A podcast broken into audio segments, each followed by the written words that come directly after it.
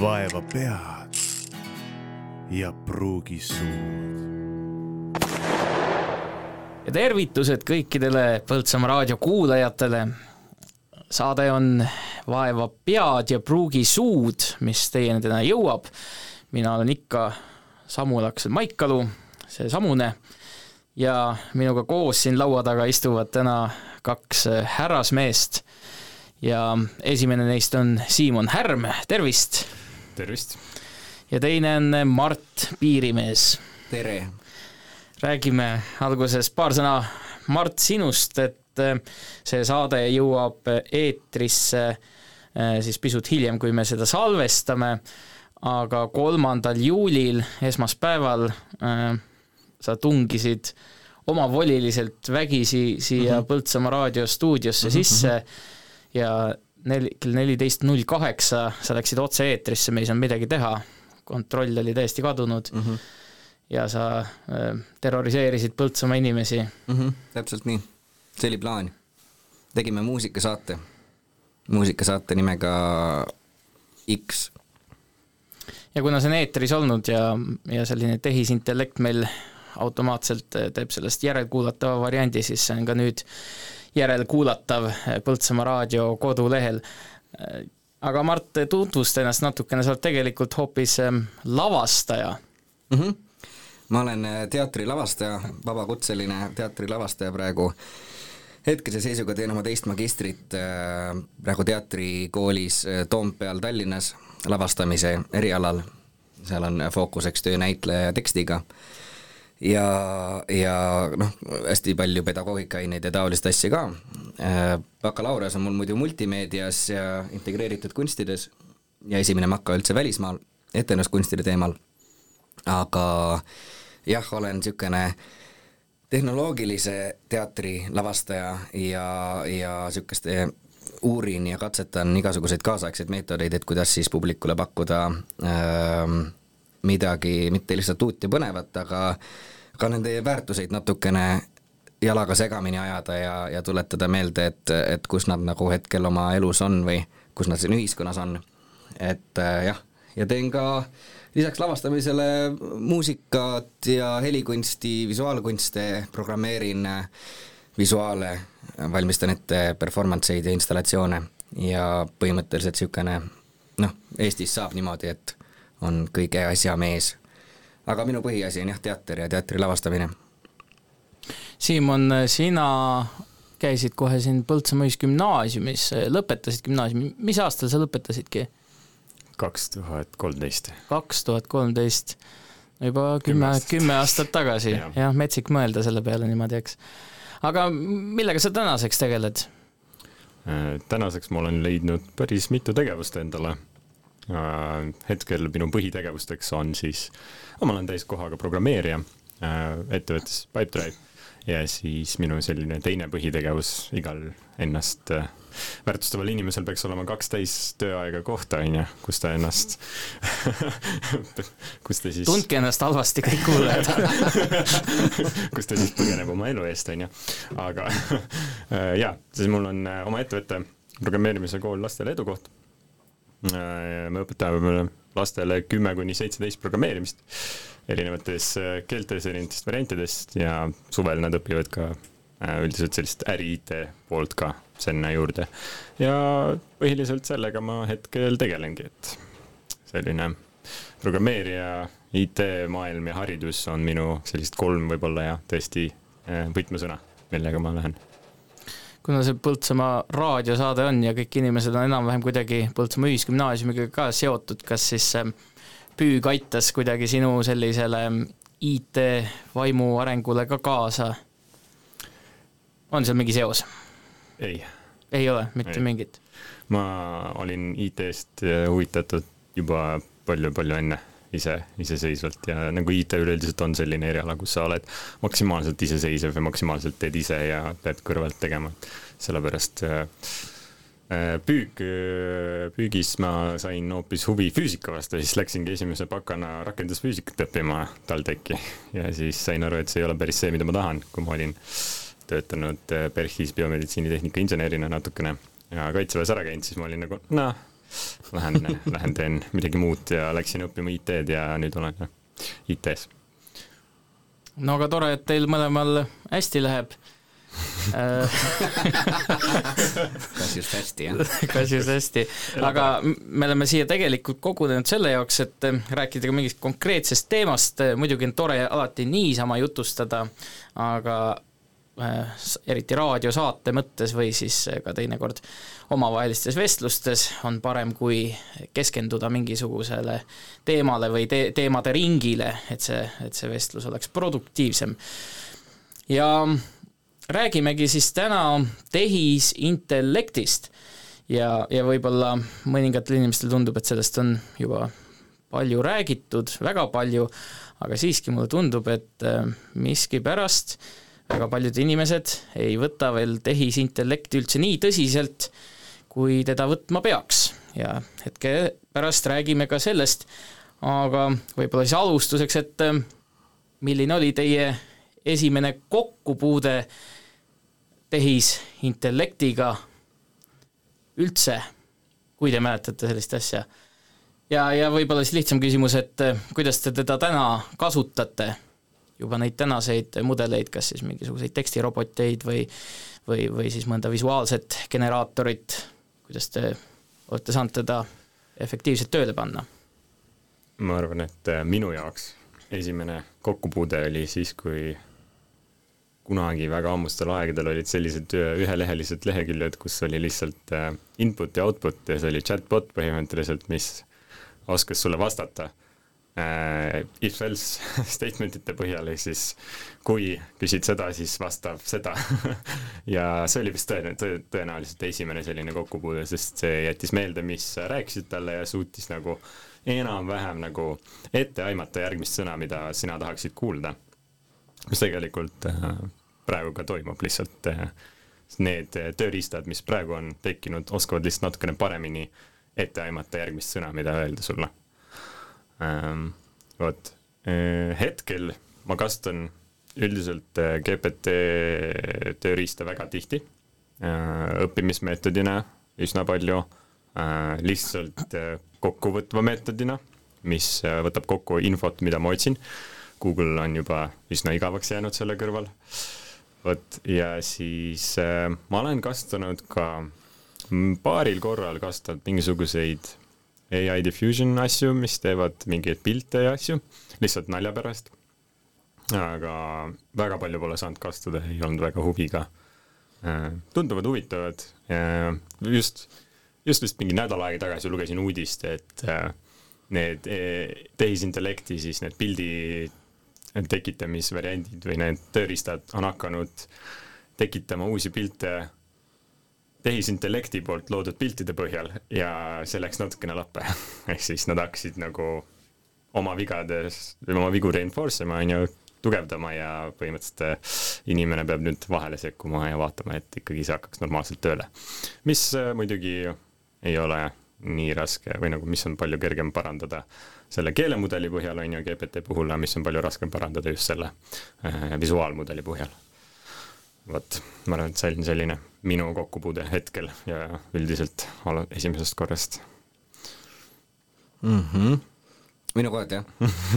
Sinu kord. minu kord jah, mul tuli kaks situatsiooni või hetke meelde, praegu teine tuli nüüd sinu mainingutega ka et äh, esimene kokkupuude, ma ei tea, kas ta saab, ikka saab tehisintellektiks nimetada või selle, selle, seda sorti, minu elus üks kõige põhjapanevamaid kogemusi üldse oli siis, kui ma olin vist kolmandas-neljandas klassis, ma käisin alguses Tartu erakoolis, Tartu Audentes erakoolis, kus siis äh, esimesest klassist peale õpetati inglise keelt. Ja kolmandas-neljandas klassis oli juba niimoodi, et õpikus olid mingid inglisekeelsed artiklid ja neid pidi siis analüüsima kuidagi. ja seal oli üks artikkel, kus äh, arvatavasti välja mõeldud artikkel, aga ikkagi, mis pani mind väga mõtlema lapsena, äh, kus üks vene teadlane lubas, et ta neljakümne aasta pärast saab, äh, kui sa oled miljonär, saab sinu teadvuse või aju võtta ja kuskile üles laadida. niimoodi sa saad surematuks. ja see oli vist esimene kord, kui mulle ilmnes see surelikkuse mõte päriselt niimoodi teadlikult võib-olla ütleme neljanda klassi kohta mõne inimese suhtes hilja, aga tol hetkel minusse see süübis ja ma sain endale elumissiooni, elu kreedo, niisuguse kandva jõu, mis siiamaani mind kannab, see eesmärk olla surematu. Ja muidugi ma valisin siis teatri lavastamise, sest et sellega ma saan kindlasti miljonäriks, aga äh, põhimõtteliselt tol hetkel, minu arust on tehisintellektil sellega väga palju seost, sest et kui sa oled kuskile üles laetud, siis mis muud sa oled, kui sa oled tehisintellekt või sa oled intellekt kuskile laetud, võib-olla meenutad tehisintellekti või kuidas iganes. aga, ja sealt algas mingisugune IT-huvi ka, katsetasin asju edasi, vist kümne lõpus ma proovisin MIT-sse, ma sain peaaegu sisse. See proge huvi tuli ka ja tuli ka isegi selle, selle nagu masinõppe teemadega ka, et kas ma suudan ise kirjutada midagi, mis võtab infot sisse ja siis kuidagi saadata teistmoodi välja. Mm, ja siiamaani on see IT-huvi jäänud. ja tegelikult see teine hetk, kus ma päriselt tehisintellekt, intellektiga kokku puutusin, oli umbes aasta aega tagasi, võib-olla isegi paar kuud vähem, kus hakkasid tulema välja need äh, tallid ja, ja muud asjad avalikku ruumi ma olin väga elevil, hakkasin kohe seda uurima, tegema konspekte, mingisuguseid õppematerjale enda teistele nagu loomeinimestele, et neil oleks kiiresti midagi võtta käisin Tartu kunstikoolis, andsin nädalase valikkursuse ai kunsti teemal ja, ja ka siis ka BFM-is, kui käisin, andsin kursusel ühe paar, paar seminari, mainisin seda seal ka. aga see kokkupuude oli üpris niisugune silmi avav, et mul isa on olnud väga suur simulatsiooniteooriate fänn ja siis terve tehisintellekti arengu teema väga haakub nende mõtetega, mina nii suur selle simulatsiooniteooria fänn ei ole, aga aga mulle need järeldused, mis sealt tekivad, väga meeldivad. Need teemad usu kohta ja, ja üldse intellekti kohta, mis sealt siis ilmnevad. hakkasin lugema erinevaid neid ai teemasid ja, ja see oli vist esimene korralikum kokkupuude ka, et kohe viisin ennast kurssi, et siis natukene edasi kanda loomeväljal. ja nüüd siis aktiivselt kasutan äh, no mul on kuumaksetega on ikka need Midjourney'd ja, ja GPT-d ja muud asjad, et, et visuaale genereerida, kas siis inspiratsiooniks või kuskil päriselt kasutamiseks, äh, katsetan ka tehisintellekti poolt loodud videotega, mis samamoodi diffusion mudelite peal töötavad. Ja, ja noh, vaatan seda praegu kui mingisugust äh, lihtsalt praegust kunstivoolus äh, eksisteerivat äh, võimalust ja midagi, mis ajab ka hästi palju kunstnikke ja loovinimesi ümber maailma väga närvi äh,. aga jah, ma arvan, et me läheme alles sellesse aga, räägimegi nii. sellest jah, et miks see nagu inimesi närvi ajab, et viimase poole aasta jooksul on Äh, mingisugune maania tekkinud. Ja ma olen rääkinud nii paljude inimestega, kes siis ütlevad, et, et nad ei saa üldse aru, miks, miks inimesed nii pööraseks on läinud, miks nad nagu räägivad sellest nii palju, sellepärast sest inimestel on igasuguseid kogemusi, osad neist on näinud internetist mingisuguseid selliseid pilte, teised on isegi kaks-kolm korda seda äh, kas näiteks seda chat GPT-d proovinud, on ju, ja noh, tal ongi mingisugused momendid, kus tal puudub selline common sense või noh, talupojatarkus tal on seda null, on ju, noh, ma võin ühe näite tuua, et kuulaja saaks natukene aimu sellest, et ma ükskord andsin sellele äh, vestluse käigus sellele chat GPT-le siis äh, käsu, et kirjuta mulle äh, armastuslugu, romantiline armastuslugu, mille peategelased on Kaja Kallas ja Martin Helme ja siis, ja, ja siis ta ütles selle kohta, et ei, ma ei tee seda sellepärast, sest see äh, on nagu isiklik nende poliitikute suhtes ja minu eesmärk ei ole poliitikute isiklikku elu lahata ja kedagi nagu solvata, ja siis ma ütlesin talle, aga kirjuta siis armastuslugu, mille peategelased on ikkagi Kaja Kallas ja Martin Helme, aga mis ei ole isiklik. Ja siis ta kirjutas mulle toreda loo, kus nad kõndisid, alguses oli neil väiksed pilguvahetused Riigikogus. Ja siis, ja siis hiljem nad käisid isegi kuskil seal õhtus söömas ja siis äh, nad läksid välja promenaadile jalutama ja siis hakkas vihma sadama no, nii et vot, vot selline lugu tuli, tuli siis kokku ja, ja, ja näed, täiesti nagu selles mõttes lihtsasti ülekavaldatav ja, ja paljud inimesed ütlevadki, et noh, vot see ongi üks nali ja seda ei tule üldse tõsiselt võttagi. no mis te mm -hmm. arvate sellest? Alates detsembrist, kui see üldse chat-GPT avalikult kättesaadavaks sai, siis on hästi palju momente olnud, kuidas inimesed justkui selle keskkonnafiltritest mööda pääsevad või panevad, no et kui sa tahad, et ta õpetaks sulle pommi tegema, eks ole, siis ta alguses ütleb, et ei saa, aga ütle, et oh, kirjuta mulle tore sketš, eks ole, kus üks õpetab teisele äh, niimoodi mikihiirelikult, kuidas pommi ehitada, et siis ta teeb selle valmis. no enam väga ei saa, jaanuaris oli see veel võimalik aga no jälle selle keelemudeldusest võib-olla peaks rääkima ka, et mis see keelemudel on ja võib-olla sina oskad paremini rääkida ka.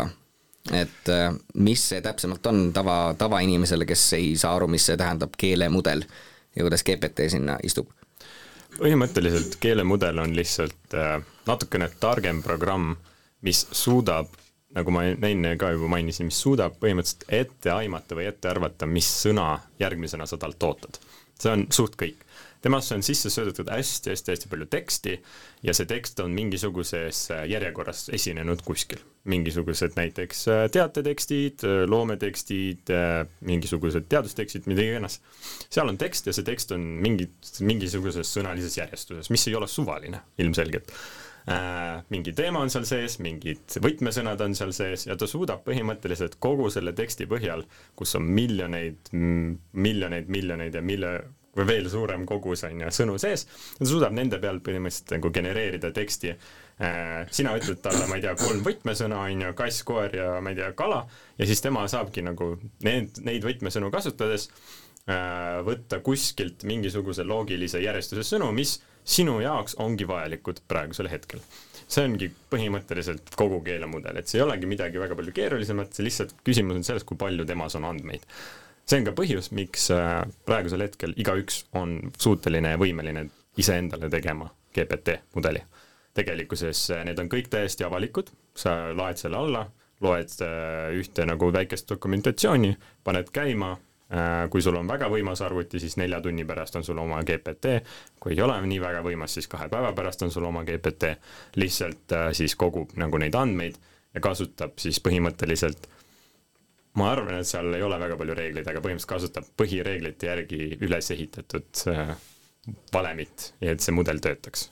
aga seal on mingisugune hüppeline areng ikkagi viimasel ajal käinud, et ma mäletan, äh, sa rääkisid ka nendest samadest hästi varastest äh, tekstibottidest, on ju, ja need olid, esiteks nad olid palju rumalamad ja teiseks nad õppisid inimeste pealt ja ja nad kõik muutusid mingi hetk rassistlikeks seksuaalpervertideks, et mis see murrang on nüüd siis viimasel ajal olnud, miks, miks see nagu nii aktuaalseks on? tehnoloogia ja võimsus. põhimõtteliselt meie arvutid on palju võimsamad ja kättesaadavamad. kui me vaatame, on ju, ma ei tea, kümme-viisteist aastat tagasi, kui mina veel koolis olin, on ju, siis äh, mul oli selline arvuti, on ju, millel oli, ma ei tea äh,, kakskümmend või kolmkümmend kaks megabaiti mälu, on ju, muud mälu, on ju, praegu kõigil on arvutis vähemalt kaheksa, kuusteist, kõige võimsamatel on vähemalt sada kakskümmend kaheksa.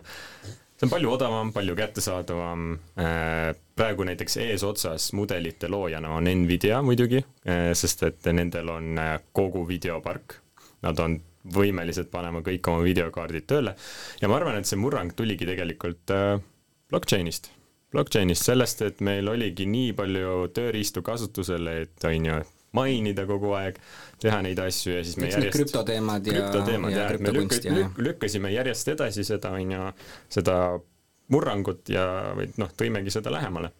Ja nüüd ongi, nüüd ongi lihtsalt see võimsus on nii palju kättesaadavam kõikidele et väga palju rohkem inimesi saavad lõpuks käed külge panna ja hakatagi tegema midagi. ja siin ongi see, et lihtsalt äh, kui sa vaatad näiteks GPT mudelit, siis ta ütlebki sulle, et temasse on sisse söödetud põhimõtteliselt kogu internet kuni kahekümne esimese aastani.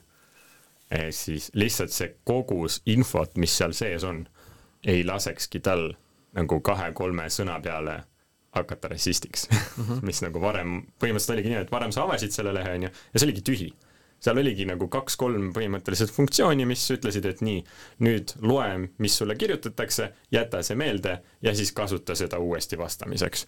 ja see oligi kõik, seal ei olnud väga palju, nagu ta lihtsalt täpselt samamoodi, ta võttis need mhm. kaks-kolm võtmesõna, mis sa talle söötsid, otsis olemasolevatest tekstidest need võtmesõnad üles ja söötis sulle vastu. Ja oligi kõik. Ja siin on, toimub sama, lihtsalt see kogus infot, mida ta võtta saab, on nii palju suurem. Mm -hmm. ja see võimsus on nii palju suurem. Seal on ka veel vist see ka, et kuidas neid mudeleid treenitakse, on ikkagi see, et ta genereerib jah, originaalset teksti, aga ta võrdleb siis seda selle olemasoleva tekstiga, et kas see äh, lause grammatika kattub, eks ole, kas see on põhimõtteliselt ise nagu, nagu ta on nagu iseennast treeniv koer, kes annab iseendale vahepeal siis laksu vastu tagumikku või siis äh, mingisuguse väikse mänguasja, kui ta saab äh, selle äh, lausestuse justkui niisuguseks, mis on eelneva tekstiga match ib. millest art-, noh, arvatavasti ka see probleem, et ta esitab valeinfot, tekib ka mitte sellest, et seal netis on see valeinfo olemas, vaid sellest, et ta genereerib lausemustreid ja, ja taolisi asja, et praegu vist töötab nagu, nagu arendatakse ka seda, et oleks võimeline viitama, vist Microsoft Bing, mis on nüüd ka avalikult väljas äh, otsi-, otsingumudel, alternatiiv Google'ile, et seal on ka nüüd ai, mis on vist GPT põhjal edasi arendatud, mis suudab viidata et, et sa saad juba rääkida temaga, eks ole, aga ta vähemalt viitab ka, et kust ta mingisugused informatsiooni äh, võtab, mitte ei pane suvaliselt. praegu on hästi suur probleem, et kui sa GPT-sse mingeid küsimusi küsid, et siis ta võib sulle täielikku lauspaska ajada ja sa ei saa nagu ise aru, sest et ta räägib nii veenvalt. ta nagu, nagu väga karismaatiline tüüp, eks ole, kes äh, sinu küsimuse suunitlusest või toonist loeb välja, mida sa tahad, et ta sulle vastaks ma olen GPT-lt viiteid ka saanud, isegi sealt kolm punkt vii-, viis mudelilt, sa lihtsalt ütled talle, palun viiteid ja no see oleneb muidugi teemast väga sageli ikkagi, et kui sa küsid viiteid või lehekülgi, siis ta annab sulle lehekülje, mis näeb leheküljeline välja, aga kui sa selle lingi päriselt lahti teed, siis seal taga ei ole mitte midagi. ja, ja seda oli ka, jah, seda oli ka. et seda esineb sageli. et ta jälle emuleerib äh, veebilehte ja kuidas see veebileht peaks välja nägema, aga võib-olla ei anna täpset infot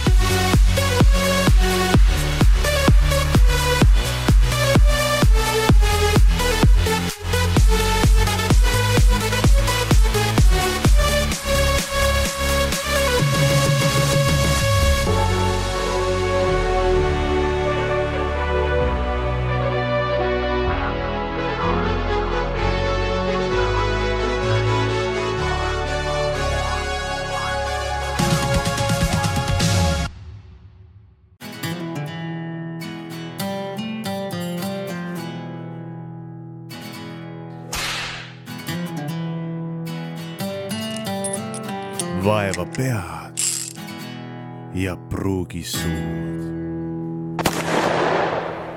jah, no see on jah, see koht, kus see kriitiline mõtlemine tänapäeval on väga tähtis, on ju.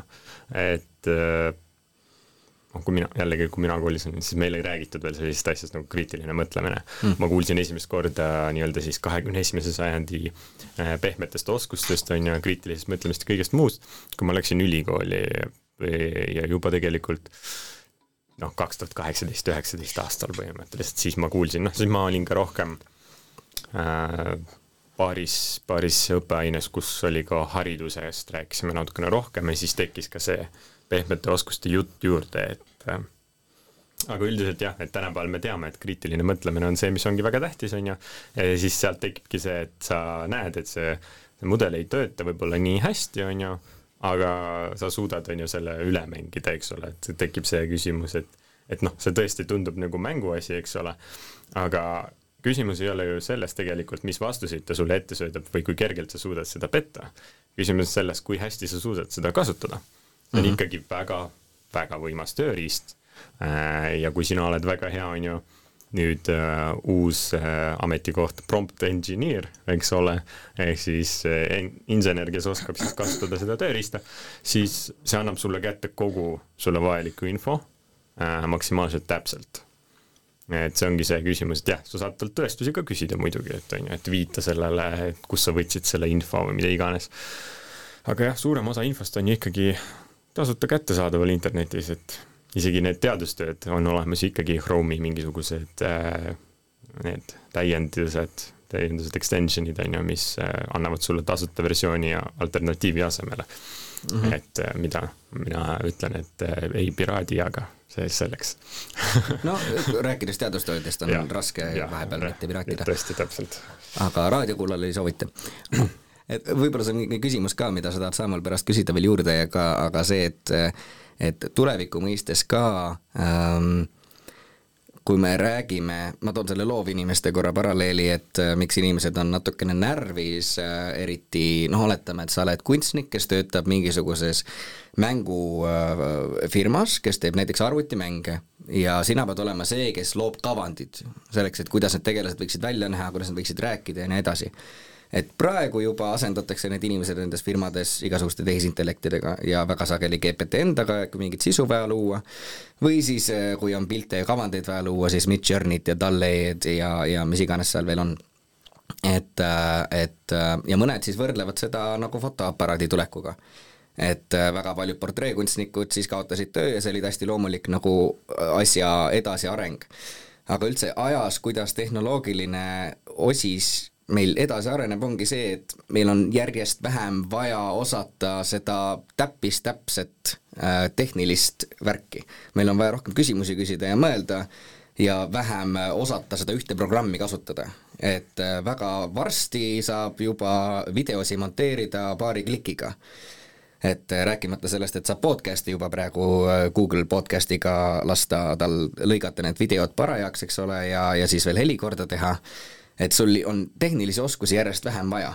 et kui me räägime ka nagu kunstniku meisterlikkust, visuaalkunstniku meisterlikkusest, siis see on järjest vähem mingisugune väärtus meil, sest et me saame hästi kiiresti genereerida hästi ilusa asja, aga nüüd järjest tähtsamaks muutub seesama küsimus, mis on alati meil laes olnud viimased sada aastat, et mida sa sinna manad, mille jaoks sa seda teed, nagu mis see point on seal taga? ja see on see prompt engineer'i töö ka, eks ole, et no see miks ja see küsimuste küsimine on on, on küsimus, aga noh, jah, võib-olla selle kunsti autorluse teema juurde väga ei taha minna, see on maru suur teema, et kes siis on autor, kui Midjourney selle genereerib, kas sina, kes andsid talle mingisuguse impulsi või siis tema, kes tegi selle meisterlikult valmis.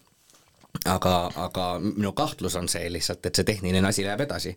et kas sina näiteks programmeerijana tunned, eks ole, et ta võtab sul töö üle sellepärast, et oskab juba progeda mingeid asju või, või töötab paremini kui mingisugune netiportaal, kus sa leiad need koodijupid ja copy-paste'd need endale kuskile, kuskile töösse. ma võib-olla enne seda laiendaks seda sinu küsimust, mida mm -hmm. sa just Siimonile esitasid, et, et ka võib-olla kuul-, kuulajale see rohkem kohale jõuaks, et keegi kunagi esitas mulle sellise kavala küsimuse, et kui Pariisis ehitati Eiffeli torni, et siis seal olid mõned arhitektid, mõned insenerid ja mingisugused muud tegelased ja siis seal olid mitusada inimest, kes tegid ühte spetsiifilist asja ja arva ära, mis asi see oli. ja arvasin, pakkusin erinevaid asju ja kuidagi lõpuks umbes poole tunni jooksul jõudsin sinna, et need inimesed tegelesid arvutamisega. kõige rohkem olid matemaatikud, kes lihtsalt arvutasid. tänasel päeval see on mõeldamatu ja sa enne siin rääkisid näiteks, et seda mm -hmm. on võrreldud selle tehisintellekti tulekut fotoaparaadi tulekuga, ma olen kuulnud erinevaid võrdlusi, osad on, ongi võrrelnud näiteks siis kal-, kalkulaatori tulekuga, äh, teised on äh, võrrelnud seda interneti tulekuga, et internet ka pööras kõik pahupidi ja kõige sellisem võimsam võrdlus, mida ma kuulnud olen, et keegi võrdles seda trükipressi tulekuga. nii et ähm, mis sa siis arvad, missuguse, missuguse muutuse lävendil me praegu, praegu elame, sest ega see ei ole ju ainult programmeerijate küsimus, vaid see puudutab siis põhimõtteliselt kõiki valdkondi. see on, ma olen kuulnud kuskil kolmas industrial-, industrialiseerimine põhimõtteliselt, et mhm. noh, me, me näeme ju väga hästi tegelikult, et tehisintellekt on tulnud ja jääb Äh, suured firmad panevad miljoneid dollareid sinna sisse, on ju. põhimõtteliselt äh, kõik need näited, mis olid toodud, on väga head näited, sest et nii oligi, on ju. et äh, olid erinevad firmad, kes arvasid, et okei okay,, nüüd tuleb see tulemine, on ju, see on ajutine, et me ei tegele, ja siis järsku viie aasta pärast nende firma lihtsalt on pankrotis. sellepärast, et aeg läheb edasi. aeg on läinud edasi alati äh,, alates äh, üheksateistkümnenda sajandi algusest on läinud ainult kiiremaks ja kiiremaks ja kiiremaks ja lähebki edasi. mina ise mõtlesin selle näite peale, et väga hea näide võib-olla, et väga paljudes vabrikutes on ju, oli hästi palju käsitööd ja nüüd tulid robotid. kadusid järsku inimesed, kes pidid seda käsitööd tegema, robotid tegid nende eest, aga kes asemele tulid? robotite hooldajad. eks ole, ehk siis tekib lihtsalt see, et me lähme edasi elukestev õpe. seal on muidugi paradoks see, et teinekord globaalses turumajanduses sul on odavam ikka lasta kuskil Hiinas või Indoneesial, Indoneesias mingisugustel väikestel näpukestel mingisuguseid asju teha no., kui täis, täi-, täiesti automatiseeritud protsessi kasutada kui me jõuame ikkagi tsiviliseeritud maailma, siis äh, see hetk peaks nagu ära kaduma, on ju, et siis ikkagi see automatiseeritud värk alguses on kallim, lõpuks ikka jõuab odavamaks, sellepärast no, et see läheb pihku, jah. jah, see läheb ka ju paremaks, on ju, noh, absoluutselt pöidlab pihku, eks. sellest rääkides olete näinud neid neid äh, pilte internetis, et äh, mis asi chat GPT tekstirobot tegelikult on, on mingisugune miljon indialast kuskil kontoriruumis. ja, ja või siis on see lõputu arv ahve, kes proovivad Shakespeare'i kirjutada, eks ole.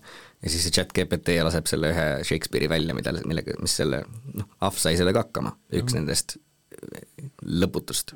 vabandust, nii, jätka. jaa, ei, ma tahtsin vist äh, lisada, et ongi see küsimus, et elukestev õpe, on ju, et me oleme nüüd seda kuulnud juba päris mitu, mitu aastat, on ju, et äh, mida varem võib-olla oli, oli see, et õppisid ära, said oma ametikoha, said oma elukoha, tegid oma tööd elu lõpuni ja ei pidanud midagi juurde õppima. mida aeg edasi, seda rohkem sa pead juurde õppima, aru saama, et et nendest teadmistest, mis sul praegu on, on ju, kümne aasta pärast tõenäoliselt ei piisa et äh, näiteks ma kuul-, just vaatasin mingit aega tagasi ühte sellist videot põhimõtteliselt, et miks tänapäeval on raske olla programmeerija, midagi sellist. ja kogu selle video põhiline premiss oligi selles, et sa nagu, sa hakkad õppima kui sa oled uus inimene, kes alles sellesse sisse tuleb, sa hakkad õppima, hakkad guugeldama, vaatama erinevaid videoid ja siis on a la video, et kümme parimat framework'i on ju või tööriista, et teha endale veebisait. hakkad seda vaatama ja siis vaatad, et oh my god, kui raske. no üldse ei saa aru, mis toimub, eks ole. siis, äh, siis vaatad mingi disaineri veebilehte järsku, et tahaks sellist endale, siis vaatad, seal on mingid ülijõhkrad animatsioonid, mingi väga lahe veebileht nagu tipp-topp sada kümnest ja siis saad aru, et sina ei suuda kunagi niisugust teha, sest et noh, sa ei oska ju mitte midagi. ja siis sa lihtsalt lähedki nagu, lähedki, lähedki sellega edasi, edasi, saad aru, et see tase või see lävend nagu sissesaamiseks on nüüd nii palju kõrgem. ja nüüd, kui on veel tulnud chat GPT, hästi paljud, ma olen nii palju näinud meeme sellest, et ma olen äh, praegu computer science on ju, arvutiteaduse tudeng, ma näen chat GPT-d ja siis ma kardan, et ma ei saagi tööd, kui ma nüüd ära lõpetan. jah, sa ei saagi tööd. That's the point sa peadki tegema kõrvalt, sa peadki tegema rohkem ja sa peadki õppima rohkem. Äh, koolid ei jõua järgi praegu sellele, mis toimub, ülikoolid ka mitte. ongi, ongi uus sajand tulemas, uus lävend. tehisintellekt ei kao kuhugi, tehisintellekt jääb, seda peab kasutama hakkama, sa pead sellega elama hakkama. küsimus on lihtsalt selles, et kui palju sa suudad nagu järgi jõuda et äh, see ei ole ainult IT, see ei ole absoluutselt ainult IT.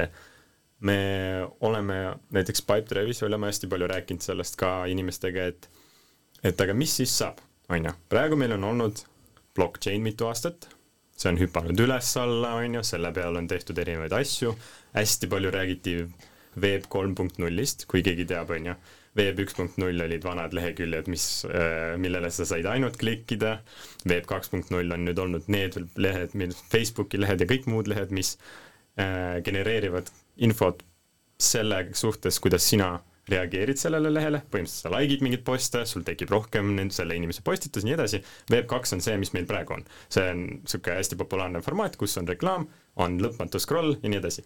Web kolm on, oli siis see, mida hästi paljud reklaamisid, et kui nüüd tuleb Web3 välja, siis on, kõik on detsentraliseeritud. Enam ei ole seda tsentraliseeritud ühte kohta, sa saad äh, olla veebilehel, keegi ei reklaami sulle mööblit, kui sa just vaatasid mööblit kuskil, keegi ei reklaami sulle koera mänguasju, kui sa rääkisid koertest, on ju, ehk siis loodeti, et see kaob ära. tehti midagi, tehti hästi palju veebilehti ja nüüd järsku, buum, tehisintellekt uus, uus asi, uus populaarne asi, kõik räägivad sellest. see tuleb, see jääb ja kogu aeg liigub edasi.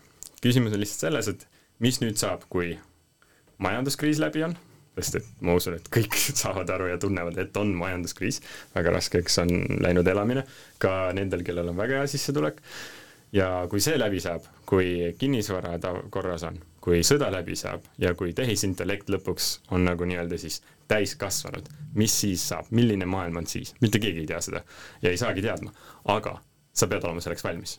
Pead olema selleks valmis ja väga paljud peavad aru saama, et nad jäävadki tööst ilma, tõenäoliselt. osad juba jäid, järgmised jäävad ka.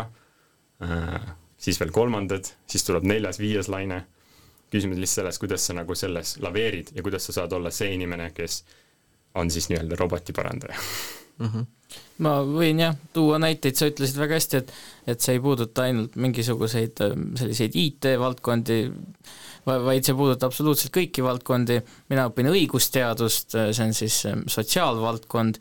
Ja, ja tegelikult millega mm, see chat GPT ju tööd teeb, ongi tekst, no mis on mingis keeles kirjutatud, see ongi keel, millega ta tööd teeb. ja jurist töötab samamoodi keelega, ta otsib erinevaid tõlgendusi ja ma olen proovinud seda chat GPT kõige seda tavalisemat mudelit eh, talle ka, annan talle näiteks noh, meil on mingisugused kaasused, mida me lahendame, et Kati läheb Matist lahku ja kuidas nad siis ühisvara peavad jagama.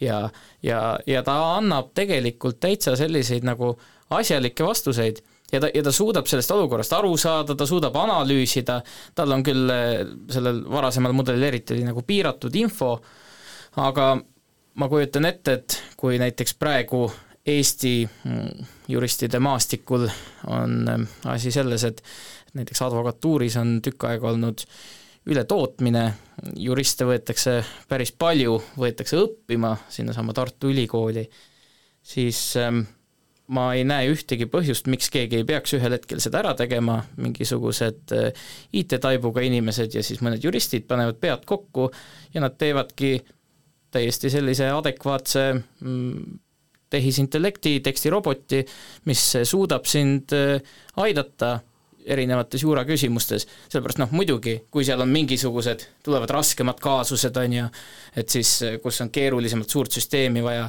siis äh, sul on vaja mingisugust tarka juristi sinna juurde, äh, aga ma ütleks, et tuleviku perspektiivis see peaks olema kindlasti inimene, kes suudab kõiki neid eh, tehisintellekte, neid eh, vahendeid kasutada. no ja lisaks me ei tahaks ju keegi mõelda selle, selle peale, et, et näiteks robot mõistaks meie üle kohut. et seal võiks ka ikkagi eh, inimene olla ikkagi see, kes nagu meie üle kohut mõistab. ma ütlen sulle isegi tegelikult juba nii palju, et kolm punkt viis mudel ei saanud selle lävendi eksamiga hakkama, vaata bar exam on olemas siin advokatuuri eksam, jah. jaa, advokatuuri eksam, kolm punkt viis ei saanud sellega hakkama, aga neli sai mm -hmm. ja väga hästi sai hakkama. üheksakümmend sajast, midagi sihukest, ülihästi. ehk siis äh, järgmine mudel tõenäoliselt saab no näed, ja, ja see, ja see pole isegi veel sellele spetsialiseerunud tööriist, eks? ei mm. -hmm. me anname hästi depressiivse sellise tulevikupildi, enne kui me tõstame natukene emotsiooni ka selle koha pealt, et tegelikult on ju selles ka head. et äh, selles suhtes, et see ei ole ainult kõik kurb, eks ole, et tööd võetakse, aga samas see potentsiaal, mida luua saab tänapäeval nüüd juba jällegi küsimus on kättesaadavuses. mida rohkem me elame, on ju, edasi, mida rohkem me liigume edasi, küsimus on selles, et äh, hästi palju me tunneme ju niisugust ebaõigsust, on ju. ebaõiglusest, ebaõiglus on põhiliselt selles, et mida rikkam inimene on, on ju, seda rohkem tal kättesaadavaid asju. mida vaesem, seda vähem kättesaadavaid, on ju, ja siis me teame, et success to the successful bias eksisteerib, on ju, et kui sa oled edukas, sa saadki edukamaks. kui sa oled ebaedukas, tõenäoliselt sa jäädki ebaedukaks. nüüd aga kogu selle nii-öelda siis tehnoloogia nii-öelda siis uue breakthrough murranguga, on ju, me jõuame sinnamaale, kus kõik on kättesaadav kõigile. Sul ei ole vaja kallist võimsat tehnikat, et kasutada GPT mudelit ja teha sellega raha. mis väga paljud teevad juba. sul on vaja lihtsalt mingisugust äh, asjandust, on ju, telefonist täitsa piisab, kuhu sa saad sa minna chat GPT lehele ja sisestada oma promptid ja kui sa oled väga hea prompt engineer, on ju, insener, siis sa ei pea olema rikas selleks, et saada rikkaks või edukaks. ehk siis tekivad võimalused, tekivad võimalused inimestele, kellel neid võib-olla varem ei olnud.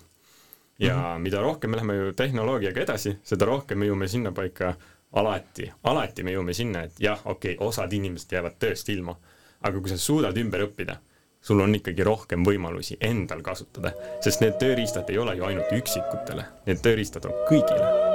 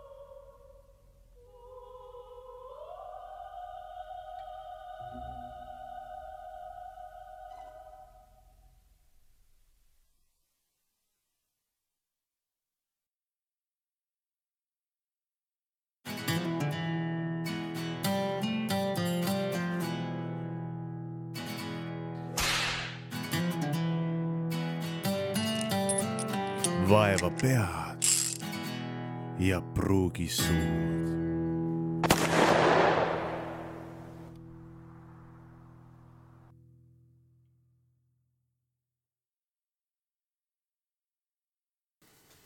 kusjuures mina arvan täitsa seda, et, et võib-olla nüüd mõni vanem kuulaja mõtleb, et oh, näed, vanale karule uusi trikke ei õpeta ja ongi rong läinud, aga ma arvan, et äh, täitsa on võimalik ja, ja, ja miks mitte. selles mõttes, et, et päriselt, miks mitte võtta nüüd pärast seda saadet või kohe selle saate ajal, võttagi see äh, chat GPT lahti ja kuskilt alustadagi, kas või mängida sellega, mingit tunnetust saada sellel teemal, et äh, ma näen, Mart, Mart vehkis kätega siin midagi. ja ma vein kätega raisk, sorry. Äh, see, et vanale karule uusi trikke ei õpeta, on täiesti äh, lollus ja, ja üldse tänases hariduspsühholoogias ja, ja arengupsühholoogias äh, peaks maha, nagu no, proovib maha tampida seda eelarvamust, et meie aju mingi hetk lõpetab arenemise või oi, sureb ära või pole enam plastiline, aju on konstantselt väga plastiline, lihtsalt asjad, protsessid muutuvad ja see protsessi muut-, muutustega võib tulla, võib tekkida niisugune mulje, et kuna mul on vaja rohkem kordusi e, elus, eks ole, selleks, et mingi asi meelde jääks või mingisugune oskus mulle külge jääks, et oh, siis ma olen aeglasem või ma nagu rohkem seda kätte ei saa, saab täiega. Ja täiskasvanud inimestel on isegi väga palju eeliseid noorte ees õppimise jaoks, õppimise tarbeks. absoluutselt, kui sa oskad luua seoseid, siis sa oled väga hea õppija mm. -hmm. sest et õppimine ei ole miski muu kui seoste loomine ja uute nii-öelda siis äh, neuronühenduste loomine mm. -hmm. et kui see ongi raske sinu jaoks ja noortel ongi raskem, sest noorel on palju raskem luua seoseid. sa ei tea nii palju asju, millega sa saad seostada neid teadmisi mm. -hmm. mida targ, mida vanem sa oled, seda rohkem sa suudad luua seoseid, küsimus on lihtsalt selles, kas sa oskad õppida. ja, ja see ongi see elukestev õpe. sa pead kogu aeg õppima, pead kogu aeg oskama õppima ja see ei ole ka see, et aa, kui ma ei ole kunagi nüüd elu jooksul õppinud, siis ma ei teagi väga hästi tead, istu maha, mõtle korraks, kuidas sulle asjad paremini meelde jäävad. Äh, ja küll sa õpid, üks hetk saad aru, et see on sinu õppimismeetod, see sulle töötab ja sa saadki hakkama.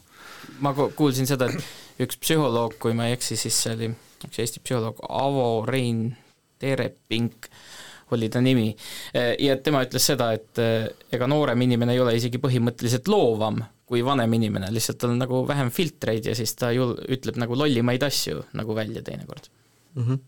Mm -hmm. aga räägime õppimisest, räägime õppimisest sellepärast, et ka haridusvaldkonda on see tehisintellekt juba tegelikult väga tugeva jälje jätnud, mul oli endal au rääkida ka tosinkonna õpetajatega sellest, teha neile äh, väike selline slaidikava ja siis ma kasutasin seda klassikalist nippi, mida iga see Youtube'i video on kasutanud, et chat GPT jah, nüüd lasin chat GPT-l teha slaidid ja siis no et keegi ei saanud alguses midagi aru ja see oli, no see oli ikka šokk, ma nägin nagu sellist parajat nagu šokki nende silmis. aga, aga see oli ainult tosinkond õpetajaid ja, ja tundus, et äh, enamusele see nagu isegi ei paku nagu nii suurt huvi, aga kui ma räägin õpilastega, äh, siis äh, nad mingi hetk tunnistavad üles, et, et sealt ikkagi väga paljud, no mitte muidugi kõik, on ju, noh, kõik õpilased ei ole ka kursis selle viimase asjaga, aga ikkagi väga paljud lasevad, lasevad igasugused tööd ära teha sellel tekstirobotil. ma näen mingisugust paralleeli kalkulaatoriga selles mõttes, eks ole, et peast arvutamine, jagamine, miinustamine, plussitamine, et äh, ta ei ole enam nii olulise väärtusega asi, muidugi võib-olla veel põhikoolihariduses tähtsustatakse seda lihtsalt traditsioonide ülalhoidmise pärast või kuna õppejõud on, ei ole edasi liikunud, aga põhiasi on see, et sul on see info kättesaadav, sul on kalkulaator olemas, meil on vaja rohkem kriitilist mõtlemist, meil on vaja rohkem seda arusaama sellest, eks ole, et kust see valem tuleb ja mida see tegelikult tähendab et kui sa jõuad sinna lõpuks õpilasena, et äh, sa suudad seda valemit ise tuletada infost, mis sinu ümber on, siis sa oled edukalt matemaatika justkui läbinud, ütleme keskhariduses. mulle tundub, et see on ideaal. aga kui on see konstantne pähetuupimine infoajastul, kus see on kõik nii kättesaadav ja ajastul, kus me saame numbrid sisse panna või isegi lihtsalt Siiril paluda mingisuguse keerulise tehte ära teha, et seal ei ole võib-olla enam nii kasulik see muidugi me räägime ka sõjaajastul, kus elekter võib ära minna ja siis sa pead arvutama, et kuidas kodus endal Eiffeli torni ehitada, aga aga samas nagu enamasti on meil kalkulaator lähedal, et äh, jah. absoluutselt, absoluutselt, et äh, see ongi tõesti see küsimus, on ju, et miks me seda teeme.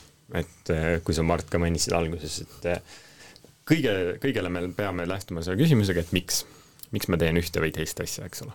me näeme küll, me teame kõik väga hästi, et koolisüsteem ja mitte ainult Eestis, aga Eestis ei tööta. sellepärast, et miks, kuidas ta töötab? kui sinu kool sai vähem punkte eksamitel, sa saad vähem raha mm. -hmm. kõik, lihtne.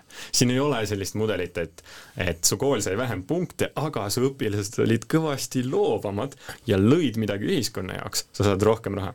ei ole ju meil ei ole korralikult välja arendatud hindamissüsteemi, võib-olla mõnes riigis natukene on ja ma tean, et see õppimispsühholoog Grete Arro ka hetkel Haridusministeeriumis proovib läbi viia niisuguseid nõusid, et et kaotame hindamise ära. ja üt-, kaotame hinnete andmise ära, mitte hindamise. vaata inglise keeles on kolm sõna selle jaoks, on grading, mis on hinde andmine, aga on ka assessment ja evaluation, mis on täiesti eraldi protsessid. Et kuidas ma saaksin kooliaasta jooksul aru, et see minu üks õpilane, mitte võrdluses teiste õpilastega, võib-olla võrdluses mingisuguse enda ideaaliga, mis mul peas on, kuhu õpilane võiks jõuda, aga võrdluses kõige rohkem iseendaga, kuidas ta arenenud on ja kuidas ma siis seda hindan et kuidas seda kvantiteeti panna, et siis ette kanda suurele süsteemile, kes sulle raha annab õppimise jaoks, et sul läheb hästi. sest et praegune hinde andmissüsteem väga ei tööta, võib-olla väga puhttehnilistes as-, asjades, ütleme matas, kui sa peadki peast arvutama, siis seda saab kuidagi veel hinnata. kui sa lähed natukene edasi, siis on juba keeruline. kui sa kontrollid faktiteadmisi, jah, seda saab hinnata, aga me räägime ajastust, kus meil ei ole vaja enam faktiteadmisi ega peast arvutada. kohe, kui me läheme natukenegi loovamaks, siis seda, sellele maru raske hinnet anda.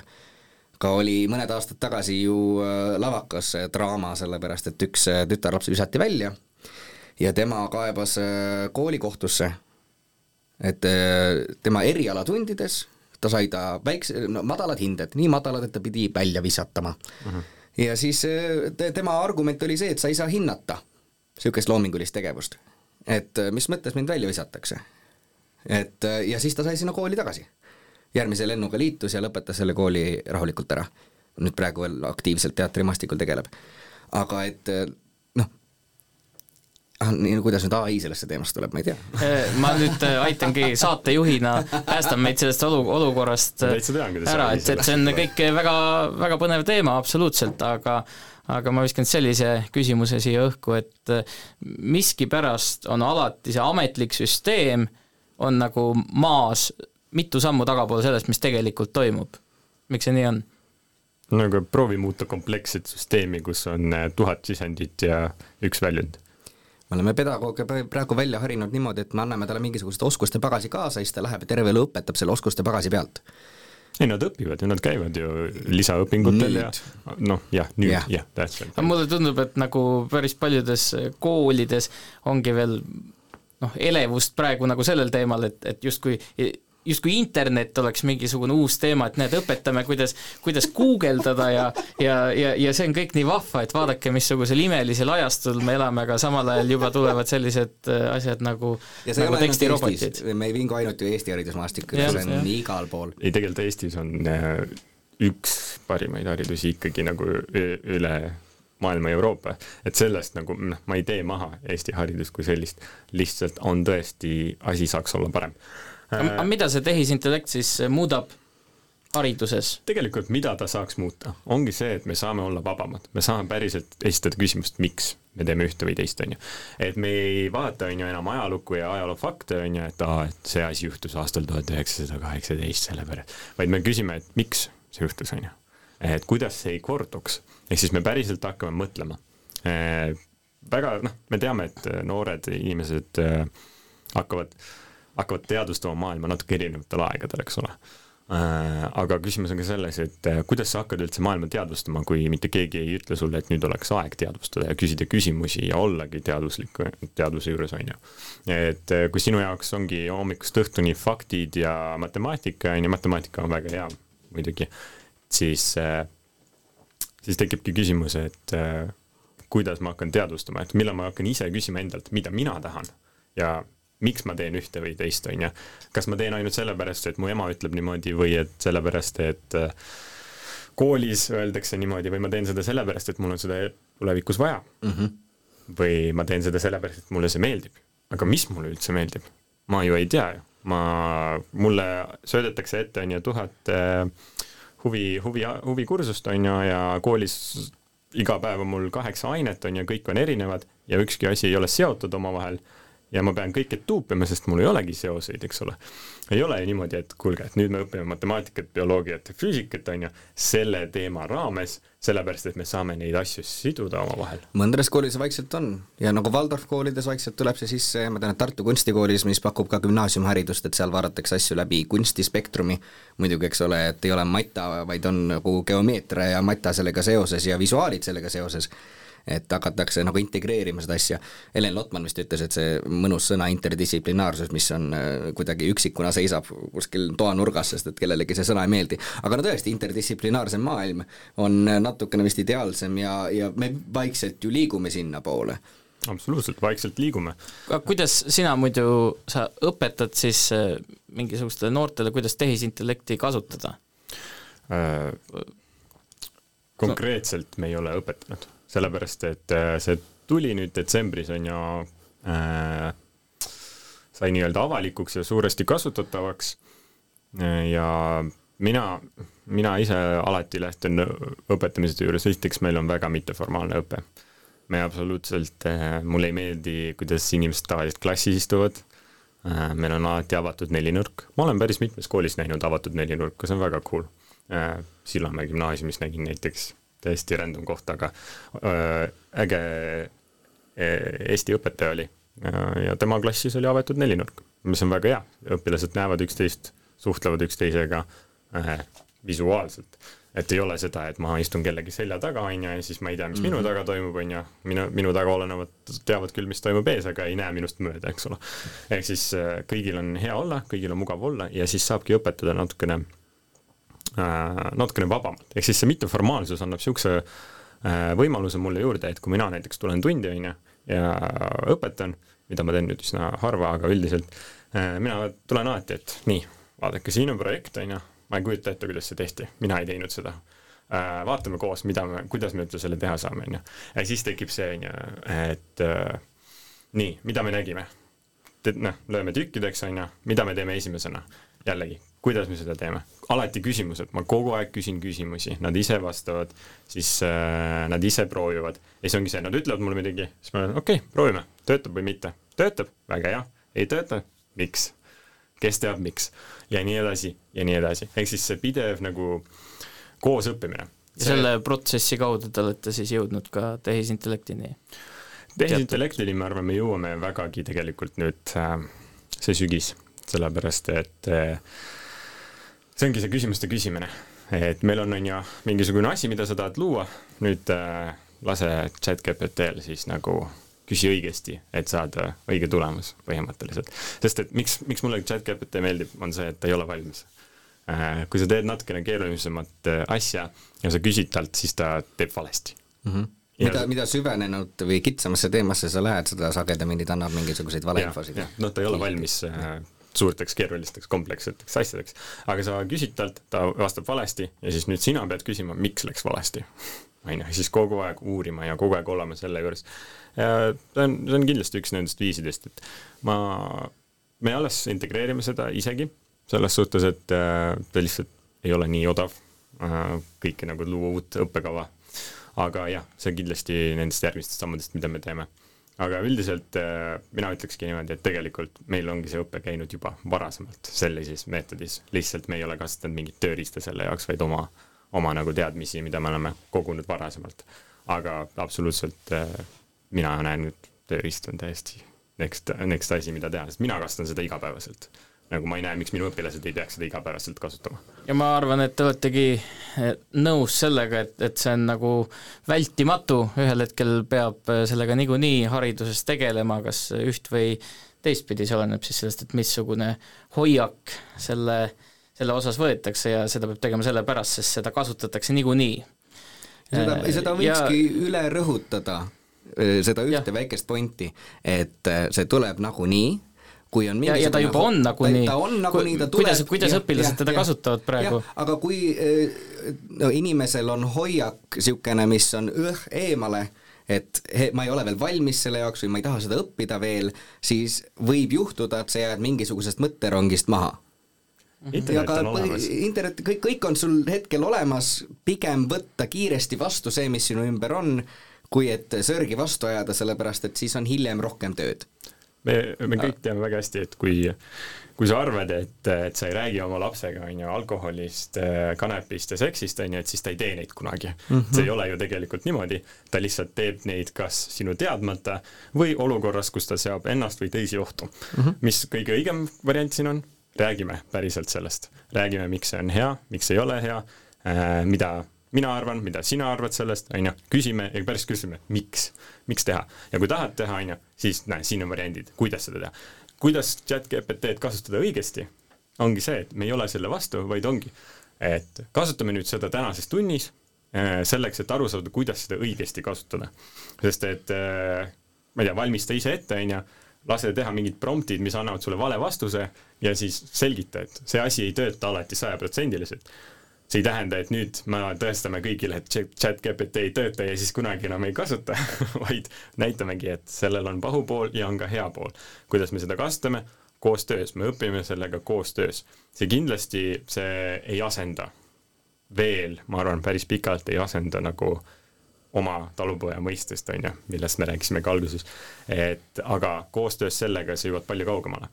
ja siis tekibki see küsimus, et äh, kas sa oskad kasutada seda ja kas sa tead, milleks kasutada seda? nii et ühesõnaga, kui seda kõike kokku võtta, siis äh, sellisest äh, robotist, kes tahab maailma valitsemist meist üle võtta, sellest meil veel pole mingit mõtet rääkida, sellest, sellest on asi kaugel, aga ta on üks äärmiselt võimas tööriist. ja, ja keegi ütles selle kohta päris ilusti, ütles seda, et äh, kui võtta see chat GPT näide, siis äh, ta ütleski seda, et see ei asenda nagu tõelist annet, et ta, et ta ei ole ikkagi nagu, nagu selline tipptasemel kirjanik, keda mi- mitte ühegi ilmaga nagu ei ületa teda, aga et ta juba kirjutab paremini kui, kui selline Harju keskmine inimene. ja, ja see on see, kuidas ka nagu õpilased teda juba igal pool kasutavad, et kui sa oled pedagoog ja ja, ja sa siis, siis sa oled tõenäoliselt juba kuskilt otsast juba tegelikult kokku puutunud sellega, ilma, ilma isegi, et sa, et sa sellest ise aru saaksid, sest ta, sest ta on, on juba päris võimas asi mm. -hmm. ja teda, ja teda kasutatakse niikuinii ja juba sellepärast tuleks sellest rääkida see on huvitav asi, et kas sa oled pedagoog, kes õpetab mingit funktsionaalset ja tehnilist kirjutamisoskust, et siis kuidas saab õpilastega päriselt rääkida, et enamasti kasutatakse, aga me ei kontrolli ju seda, me tahame, et sina areneksid oma tehniliste oskustega. kui me kontrollime seda, et mis idee sinu kirjutise taga on, siis mis seal vahet on, kas sa ise oskad seda kirjutada või mitte, no kas sa lased GPT-l kirjutada või mitte, või toimetad selle ise pärast ära mingisugusesse vormi, et see idee kanduks edasi nagu lõpptulemus, kui seda hakata hind hindama, et kuidas see idee edasi kandub, siis pole vahet, mis tööriistu sa kasutad. või kui sa oled õppejõud, kes proovib äh, harida inimest äh, või õpilast sellesse, et tal on idee ja tal on ka mingid tehnilised kirjutamisoskused, paneme need nüüd kokku. jälle aga see läbipaistvus õpilase suhtes, eks ole, et ta saaks aru, et mis asja sa tema juures proovid nagu arendada et si-, see otsus kasutada chat GPT-d ülikooli mingisuguse kas või bakatöö sissejuhatuse kirjutamiseks, et äh, seal on suva seal on täiesti suva see, et äh, muidugi nüüd on eraldi ai-d ka, et Plagiaat jälgida. ja ja, ja, eks ole, aga no et mis asi see plagiaat, no jälle, aga asi on läbipaistvuses alati ja kommunikatsioonis ja, ja õpilase motivatsioonis ja mentaliteedist, mis näiteks ülikoolis peaks eriti muretsema selle pärast ja sellega tegelema.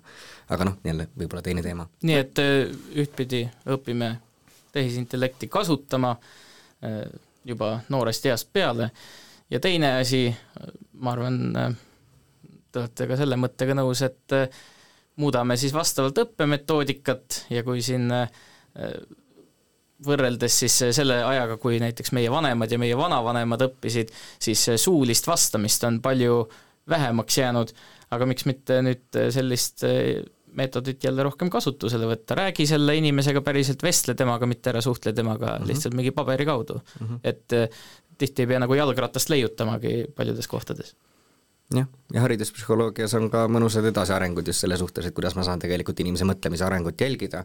Ja see tuleb suulises kõnes eriti hästi välja, kui paluda mingisugust terminoloogiat nagu äh, lahti seletada või, või, või sel teemal arutleda õpilasega, siis mingi hetk tekib see arusaam, okei okay,, ta on selle teemaga edasi arenenud või selle mõistega leidnud mingisuguse sügavama põhja enda jaoks.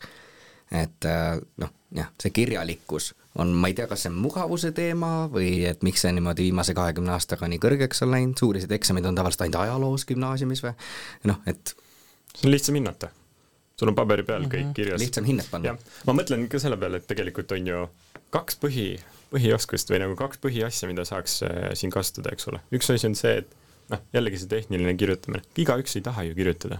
et ongi, et miks me teeme, on ju, kas me teeme ja siis äh, ja et äh, siin ongi nagu kaks hetke, on ju, et üks asi on see, et kas, kas ma tean ja tahan ja teen seda, mida ma tahan, ja teine küsimus ongi see, et noh, väga tugev tööriist, mida me ei kasuta koolides minu meelest ja minu, minu ajal ei olnud, on reflektsioon.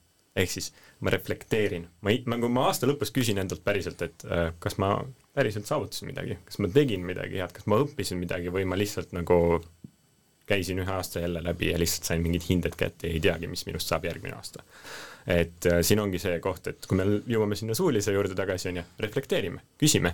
ma nägin tegelikult siinsamas Põltsamaa gümnaasiumis äh,, mitte gümnaasiumis, aga algkoolis äh, minu vana klassi juhataja äh,, tema esimesed kolm klassi, ta näitas mulle tunnistusi ja seal ei olnud hinded, seal oli päriselt nagu, et eesti keel, õppisin seda ja seda, tegin seda ja seda, ma olin nagu oh my god. see on väga, väga äge, äge jaa, absoluutselt ja see ongi see, et aga siit lihtsalt edasi, reflektsioon, sest niikuinii, kui sa tuled koolist välja, ülikoolist välja, sa pead ju kogu aeg reflekteerima. sa pead ju küsima, et kas ma tegin täna tööd hästi või mitte, on ju, või ma surfasin terve päeva nagu meeme. ehk siis ongi see, et ma reflekteerin, ma päris küsin endalt, kas ma lähen mööda elu või mul on nagu groundhog day every day. jah, ja nagu sa, Siimon, ka ütlesid, et äh, paraku on nii, olgem ausad, et see jääb tihti mingisuguse mugavuse ja ja laiskuse taha ja, ja see on ongi lihtsam ja see ja, ja et asju paremini teha, see võtabki rohkem aega. mul tuleb meelde üks selline näide, mis on natukene teises suunas, aga aga ka haridusvaldkond ja mugavus, et kui koroona need piirangud alguse said ja, ja kõik läks kaugõppesse järsku, siis oli üllatavalt palju õppejõudusid, kes ei tahtnud, ei viitsinud oma neid neid noh, mingisuguseid arvestusi ja eksameid ümber teha. Ja siis nad ütlesid, et, et jah, sa teed seda kodus, aga sa ei tohi seda teha avatud materjalidega, sa pead seda peas tegema. Ke-, mitte keegi ei kontrolli sind, aga sa pead seda niimoodi tegema. Ja mina hindan sind täpselt samamoodi. et noh, mingisugused asjad pidurduvad lihtsalt teinekord sellise inimeste mugavuse taga. Ja sellest on muidugi, muidugi kahju stamme eh, in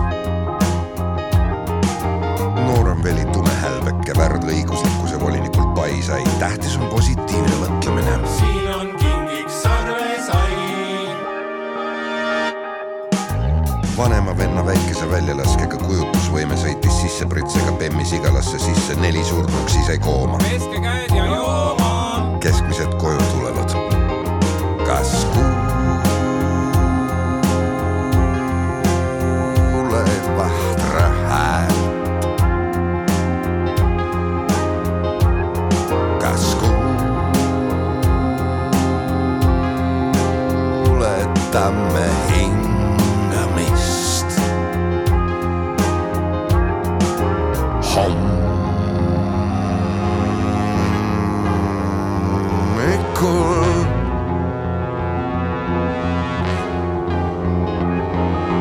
keskmine veli Kalev-poega Soome läks küprokbändi Transameheks, elas kassiliiva Uus-Elamu rajoonis, vastu tuli Tom of Finland, koju ei saanud kohe maid.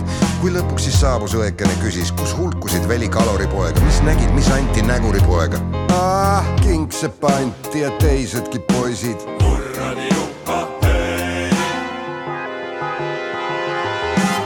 Ladina-Ameerika Peep Mäegimas üheksast aken maailma uudisteankur pinnib vastuseid. Hiiu kalur tütreke kannatab vapraste nagu koorilauljatär Soome suveteatris, kes öiti teenindab austajaid selge ees, sest raha ei haise higi. nagu suur annetaja südames seiskus ühes Lasnamäe korteris, mitte just une peal. nagu vana hall kommunist, kel parteid pole ammu paar žürii kohta. ma kuulsin lauldes üht koledat häält. Mis siis juhtus, rääkige palun, tulin linnast lumesadu, tööd ei leidnud kusagilt. Tibu, tibu, tibu, tibu. kohtukeiss kas kuuled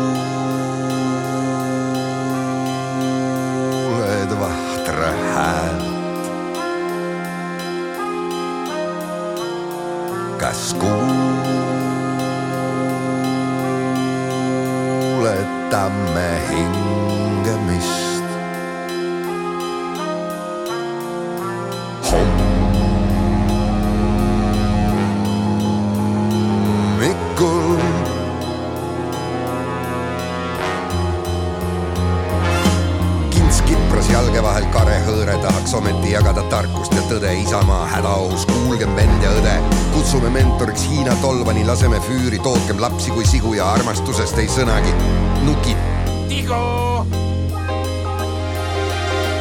meil on õige peremudel, paneme kappi Moskvitši mudeli kõrvale ja siis paneme vene koolid kinni ja siis paneme juudi kooli ka kinni, siis Mooses viib oma rahva Jeruusalemma, mis on tähtis riik ja alustab sõdu ja puha.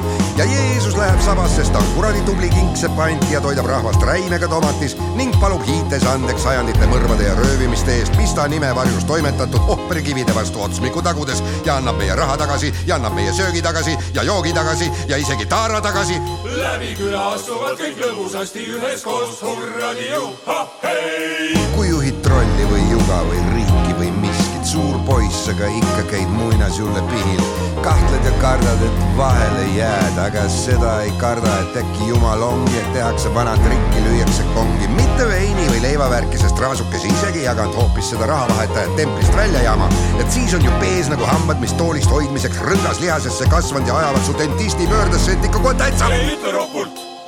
kas karvakannel on okei okay öelda mm.? rohkem ei tule ühtegi mõtet pähe, paneme tõrvikud põlema, ikka valgust vähe, mohvigi ei näe, ei tulevikku, ei tagaust. ühe mõtte tahaksin siiski veel lisada, võtame Petseri endale. just! Lõpetuseks rõõmustavad spordiuudised meie laskesuusatajad taas esisajas. üksnes siin on täna täts. üksnes siin on täna täts. üksnes siin on täna täts. üksnes siin on täna täts.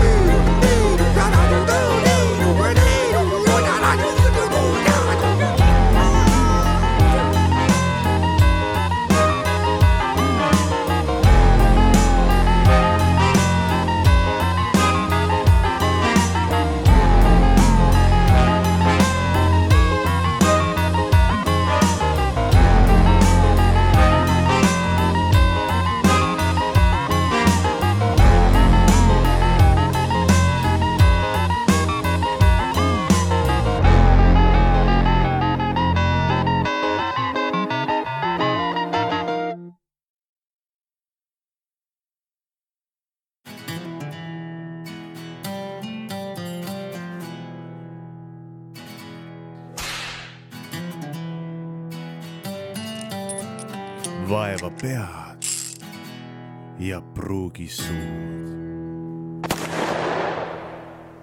räägiks tehisintellektist ka natukene teise külje pealt ja mind on paelunud selline küsimus, et eh, mis on üldse tehisintellekti ja, ja inimese teadvuse, teadvuse vahe. sest kui nüüd kuulaja võtab ka selle chat GPT võtab eh, lahti, hakkab temaga seal kirjutama, siis sa võid isegi küsida talt näiteks mingit hingelist abi et ma ei tea, mul on homme mingisugune esinemine ja ma tunnen selle pärast suurt, suurt hirmu või on üks pingiline vestlus tulemas ja sa võid temaga veel mingit rollimängu teha, kus, kus ta siis mängib sinu hoolitsevat emakest või, või, või midagi sellist. Ja, ja teinekord nagu tekibki siis küsimus, et kuidas siis see tehisintellekt ikkagi siis nagu inimesest erineb, kas seal on mingi fundamentaalne erinevus või kui tehisintellekt piisavalt välja arendada, siis ta lõpuks võibki olla samamoodi nagu inimene, omaette teadvus ja lihtsalt palju võimsam, palju suurema infopagasiga, lõpmatu ressursiga. Selle teadvuse teemadel hiljuti nüüd uusaegses filosoofias on tulnud küll küsi-, nagu just selle ai tulekuga viimase aasta jooksul on tulnud väga palju küsimusi üles, mille peale ma varem pole mõelnud, sest et muidu mõeldes sellise mudeli peale, mis see keelemudel või tehisintellekt on, et on sisend ja väljund ja seal mingisugune öö, mõõdetav mumbo-jumbo seal toimub seal sees millest sina oskad võib-olla täpsemalt rääkida, aga et, et, et see ei ole kindlasti teadvus või eneseteadlikkus, sellepärast et see on midagi muud, see on mingi arvuti, selle mälu töötab teistmoodi, jada-jada.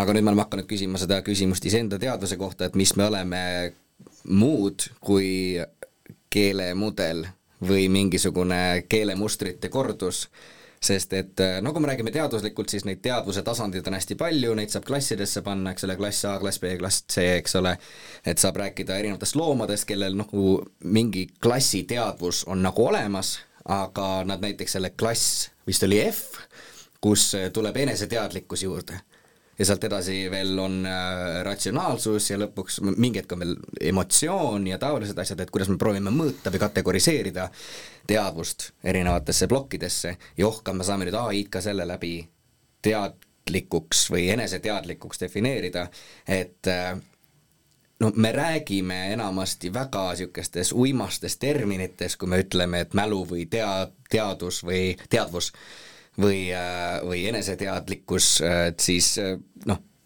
praegu, kui me proovime teadusmaailmas ära defineerida, mis see teadus, teadvus on, siis me väga ei oska, me oskame lihtsalt kategoriseerida, mille pärast on ka raske öelda, et mis asi on teadvusel või mitte, et äh, praeguste kategooriate järgi saab öelda, et minu kraadiklaas on ka teadvusel, sest et ta nagu võtab infot välismaailmast ja edastab seda nagu edasi. et justkui seal on mingisugune keel või asi juures. et kus see eneseteadvuslikkus tuleb et on, no et mis eristab meid inimesi loomadest, teada-teada meil on keel, et see on üks järgmine teadvuse tasand, mida loomadel ei ole, inimestel kindlasti on, et mingi hetk toimus meie arengus kuskil lüke, kus me sai, hakkasime mõtlema sümboolselt, kus tekkis keel tänu sellele, et me saime aru, et okei okay,, tähendused mingisuguste sümbolite taga on eristatavad, vahetavad kohti, et kui ma ütlen äh, mingisuguse sõna, siis see võib tähendada erinevaid asju, samal ajal kui me praegu proovime leida, kas loomad suudavad suhelda või mitte, oli vist selle gorilla lugu, kes rääkis viipekeeles, noh täielik äh, jama, äh, ümber lükatud, tol hetkel natukene tuli see teemaks, aga siiamaani ei ole mingit loomaliiki, kes räägiks niisuguses sümbolite keeles nagu meie. kõige rohkem vist äh, keelelist taju omav olend on hobune, aga seal on ka jällegi väga suured diskussioonid, sest et kui sa ütled sellesama tooniga mingeid sarnaseid sõnu või fraase või isegi väga erinevaid sõnu, siis ikkagi ta reageerib samamoodi. ehk siis ta ta ei saa keelest kui niisugusest aru, vaid tal on sümbol ja kohe mingisugune tähendus seal taga. aga ta ei suuda neid tähendusi vahetada seal taga. tähendab, tal ei ole keelt, tal ei ole keeletaju. aga nüüd ai hakkab tulema kuskile nagu olukorda, kus ta hakkab meenutama seda tunnet, et äkki tal on keeletaju või ta äkki saab aru, et sinu ühe sõna taga on tuhat erinevat asja või see võib tähendada tuhat erinevat asja. et mis see siis on sest et seoste tegemise võime, mis meil hetkel mälu ongi, mälu ei ole ju niisugune nagu arvutis või niisugune sahtlisüsteem, et sa paned mingi mälupildi sisse ja suled, sulged selle ära ja või oi, sul on mingid lapsepõlvetraumad ja siis sa teed selle sahtli kunagi psühholoogi juures lahti, ei ole. iga kord, kui sa asju mäletad, sa rekonstrueerid selle mälupildi ma mäletan seda, kui ma siin enne stuudios olin päevasel ajal, eks ole, ja ma tegelikult rekonstrueerin enda kujutluses sellesama pildi jälle viimase viieteistkümne aasta suur avastus, et issand, meie kujutlusvõime ja mälu on põhimõtteliselt sama protsess peas. kujuta ette enda maakodu ja pööra nüüd see katus pahupidi. täpselt sama protsess. mäletamine ja kujutlus. meie ise paneme sinna mingisuguse lükandi juurde veel. aga nüüd tehisintellekt, ta meenutab meile seda asja, ka minu üks kursaõde jaanuaris tegi performance'i, kus ta rääkis enda ärasurnud isaga lava peal, üks näitleja tuli ja luges äh, chat GPT-st siis äh, äh, saadud vastuseid ette, ta rääkis oma isaga enne oli olnud chat-GPT-le kirjeldus oma isast, mingitest mälupiltidest, mingisugustest hetkedest, mida see isa oli vahepeal rääkinud, mingid fraasid, mingi kõnemaneer, ja siis laivis räägib tütar oma kadunud isaga meie ees küünlavalgel. no väga hirmus tunne. Ja nüüd see, et kui ta meenutab inimest, kas ta on inimene, kust ma saan kindel olla, et teie siin ei ole mingid robotid, kes on lihtsalt keelemudelid ma ei tea, mis mõtteid see praegu ergutab, eks ole, aga ma ajan meelega selle teema laiaks, sest et ega sellel ei olegi, ütleme sellel teaduse teemal ja mälufilosoofia teemal ei olegi praegu mingeid konkreetseid vastuseid antud. et profid ju siiamaani vaidlevad, mis on teadus, teadvus, kurat küll. see on äh, huvitav jah, sest et äh, tehniliselt äh, aju on lihtsalt elektroodide ühend, mis laseb impulsse ja see ei erine ju vägagi tegelikult arvutist, on ju. samas me teame, et praegu on ai abil või siis tehisintellekti abil on suudetud inimeste kujutlust või unenägusid või mida iganes nagu ühendades õigete kohtadega, suudetud pildiks luua. Ehk siis sa mõtled mingist eh, oma mälestusest, on ju, kus sul oli väike, mingi väike tüdruk jäätisega ja mingi hobune siis äh, kui see õigesti ühendada sinu ajuga, õigeid impulsse talle sisse sööta, nagu õiget nagu õpetada õigesti teda, seda masinõpet nii-öelda arendada seal, siis ta suudab selle pildi manada. ehk siis ta saab aru, et need impulsid on tüdruk, jäätis ja hobune mm. -hmm et kui sa mõtled tüdruku jäätise hobuse peale, siis iga kord tegelikult sinu ajus umbkaudselt seesama regioon töötab, seesama mustri, muster seal võrgustikus töötab. ja, ja seda ta suudab interpreteerida. jah -hmm. ja ta suudab seda interpreteerida. siis, äh, siis tekib küsimus jah, et kas on erinevust. lõpuks nagu meie ju ei tea. me ei tea, mis on aju, me ei tea, mis on teadvus, mis on nagu alateadvus nagu väga palju uuritakse seda, seda on väga suured küsimused filosoofias, väga suured küsimused psühholoogias, teaduses, lõpuks keegi ei tea õiget vastust. sest aju, aju on lihtsalt aju, ta lihtsalt eksisteerib, ta on meil olemas, aju pani iseendale nime, aju ise mõtleb asju välja, on mingi loov, äkki me oleme kõik hive mind, äkki ei ole mm, -hmm. väga raske on kokku panna või väga raske on tekitada nagu võrdlust nagu nii-öelda siis aju või algoritmi vahel. äkki me oleme kõik lihtsalt mingisugune algoritm, mis äh, mõistab mingisuguseid mudeleid, šabloone. sest kui me räägime näiteks algoritmidest kui üldse, näiteks Youtube'i algoritm, on ju, mitte keegi ei tea, kuidas see enam töötab. see kunagi alustati, see kunagi alustati, tal oli kaks-kolm reeglit ja siis ta õppis iseendalt, ta õppis iseendalt, nüüd ta teeb väga head tööd. Like üks video, boom, kogu esileht täis. on ju, mingisugune video, et vaadati lõpuni, kõigile söödetakse ette aga kui sa küsid nagu loojatelt, et kuidas ta töötab, mitte keegi ei ütle sulle, kuidas ta töötab, sest et see on juba nii kaua eksisteerinud ise, et võiks öelda, et see on omaette aju, omaette aju, mis teeb omaette tööd ja mitte keegi ei tea, kuidas see töötab. ja siin mina, minul ei ole vastust, mul ei ole mhm. sellisele küsimusele vastust kindlasti. Ja ma nagu, ma võin kokku panna paar niisugust nagu fakti, mida ma tean, on ju, ja siis midagi eeldada, tekib, tekib simulatsiooni küsimus, sest näiteks mis meil praegu on tekkinud, on ju, Skyrim, ma ei tea, kui kõik, kui kõik teavad, Skyrim on väga populaarne videomäng, on ju. kõik kuulajad teavad. kõik kuulajad teavad, see on nii populaarne, kõik teavad raudselt, aga põhimõtteliselt videomäng, kus sa mängid nagu ühe äh, seal karakterina, on ju, kes on, ma ei tea, äh, Dragonborn, draakoni sündinud ja käib mingi ringi.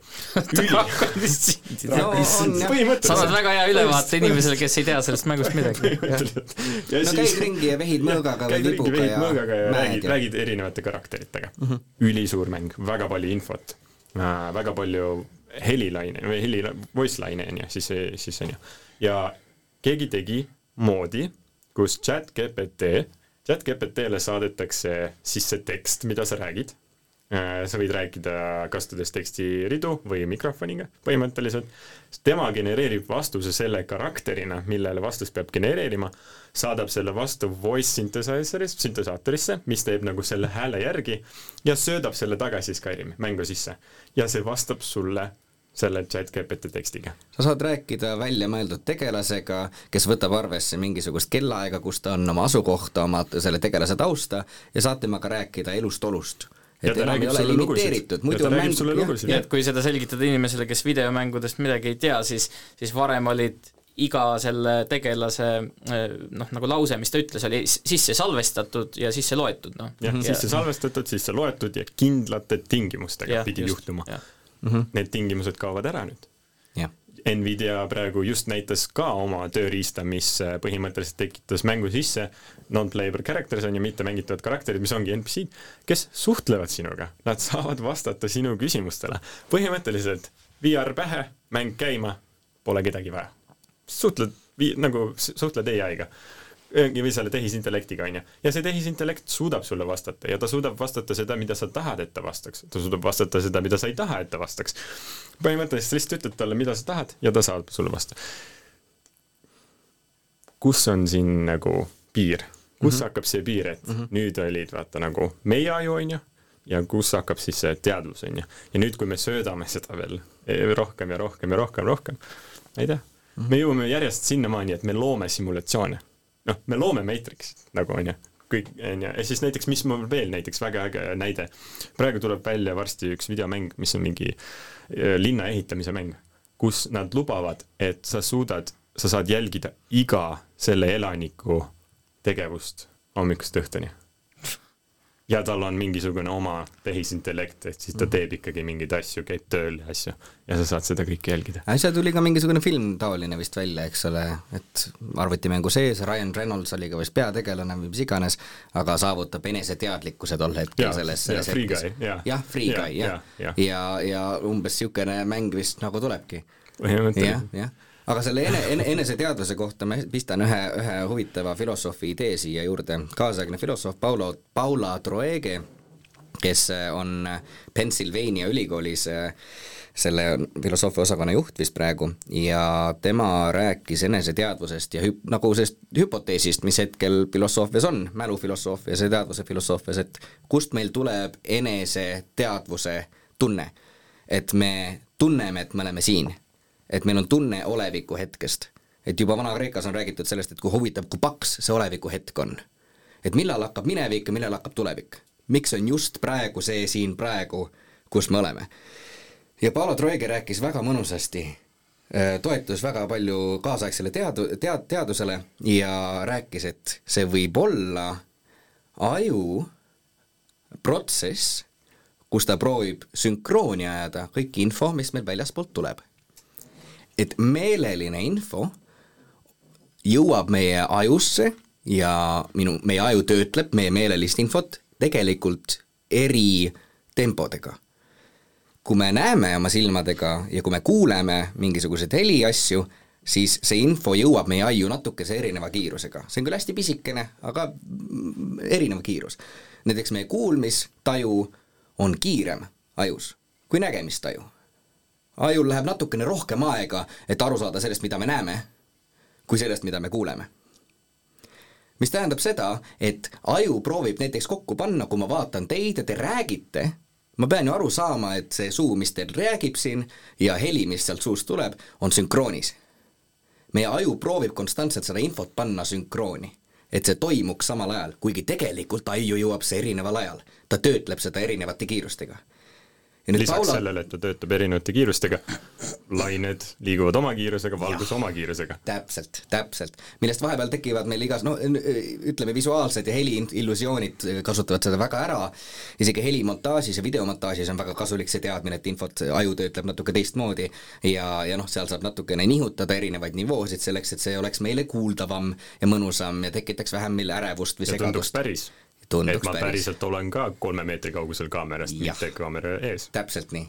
aga Paolo Troege ütlebki seda, et see protsess, et meie aju proovib seda infot kõik pakkida mingisse ühte hetke, et sellest tekib eneseteadvus. sellest tekkis see, see olevikutunne, olevikutaju. nüüd on see küssa, et kui on need erinevad abcd kategooriad teadvusest, üks nendest on eneseteadvus või eneseteadlikkus, siis kui tehisintellekt või see tegelane seal arvutimängus, no kuidas teda teha eneseteadlikuks? mis tähendab seda, et ta peab hakkama erinevaid sorti informatsioone kuidagi kokku panema, või kui temal tekib see taju, et nüüd on oleviku hetk, temal võib tekkida see palju keerulisemalt kui meil, meie ahvi ajudes, et noh, et äh, ma, ma arvan, et see on palju keerulisem, see eneseteadlikkuse teema ja üldse teadvuse teema, kui me praegu üldse aru saame, sest et kui järjest iga aasta tulevad lauale niisugused äh, ideed, nagu Paula paneb lauale, no tegelikult see on üleüldiselt, eks ole, filosoofilises psühholoogias levinud idee juba mõned aastad, aga Paula toob selle eriti välja kui üks mingi teadvuse aluseid, et äh, et kui niisugused asjad tulevad lauale järjest, siis see tuletab meile meelde, et me mitte millestki ei saa hetkel veel aru, ja kui me mõtleme eneseteadliku ai peale, siis oi jeerum. Et äh, no mis jah, mul on niisugune tunne natukene ka, et kui me räägime siin tehisintellekti arengust ja selle eneseteadlikkusest ja ja arvutimängudest, kus sa saad või, või VR-prillidest, et sa paned ennast sinna, kaotad oma reaalsusesse ära, sul pole enam päris inimesi vaja, saad oma sotsiaalsed kaifid, kõik oma, ütleme, psühholoogilised ja bioloogilised vajadused saad kuskilt äh, tehnoloogias kätte, et mis siis alles jääb ja mis siis, kui, kui keegi suur korporatsioon võtab veel selle tehisintellekti ja hakkab sind mõjutama. Kui me räägime sellest, et unenägusid saab lugeda, noh, mingi hetk äkki saab ka mälupilte lugeda, äkki saab neid mõjutada. Oh my god, tuhat üheksasada kuuskümmend neli, ja ma et..., ma lugesin ühte esseed kunagi sada aastat tagasi, üks Briti kirjanik oli seal kirjutanud. sa lugesid sada aastat tagasi ühte esseed ma lugesin sada aastat tagasi ühte esseed, jah mm. -hmm tema, tema kirjutas selle sada aastat tagasi, mina lugesin mõned aastad tagasi seda. ja, ja tema seal kirjutas juba seda, et ta noh, nagu prohvetlikult kuidagi ütles, et et see tehnoloogia läheb ühel hetkel nagu nii võimsaks ja et kui see tehnoloogia on nii suur ja võimas, siis on oht see, et see on ühe kliki käes mm. -hmm see on ohtlik. aga see on sama see ohu ja hirmu teema ka, et me ei tohi ennast lasta niimoodi paralüseerida äh, sellest hirmust või ohust, praegusel hetkel seda karta, et tehisintellekt tuleb ja võtab maailma üle, on äh, sama tobe kui karta tuumaohtu jaa, aga pigem see, et ta on võimas tööriist mingite inimeste käes kes.... jaa, või, või seda ohtu ka, eks ole, aga sama asi, et seda karta on sama hull kui karta tuumaplahvatust. point on selles, et see tuumaplahvatus võib tulla, meil on sõda hetkel ja see nupp on võib-olla kuskil seal mõndade inimeste käes, aga selle kartmine ei vii meid praegu edasi, me saame ette valmistuda mingiteks asjadeks. ei nojah aga..., see on, kuidas sa mõistad sõna kartmine, on ju, et kas see on mingi tegevus, et sa paaniliselt istud nurgas ja nutad yeah. või aga siis, et me, et me teadvustame sellest, mingit ohukohta ja siis me aga teeme midagi. sellest, et mõned inimesed annavad sõr-, sõrad vastu igasugusele asjale, kes, mis mainib tehisintellekti mm. -hmm. et kui me räägime, keegi mainib chat GPT-d ja sina oled pedagoog kuskil põhikoolis ja sina ajad sõrad vastu, sellepärast et sa kardad ai-d, noh, et seal on mingisugune loogikaviga võib-olla sees. et kuidas me praegu edasi lähme, on see, et võtame seda kui tööriista, arendame edasi, vaatame, mis saab äh,, enamus sellest teemast on meie kontrolli alt väljas, aga me saame hakata seda vaikselt nüüd küll ära kasutama.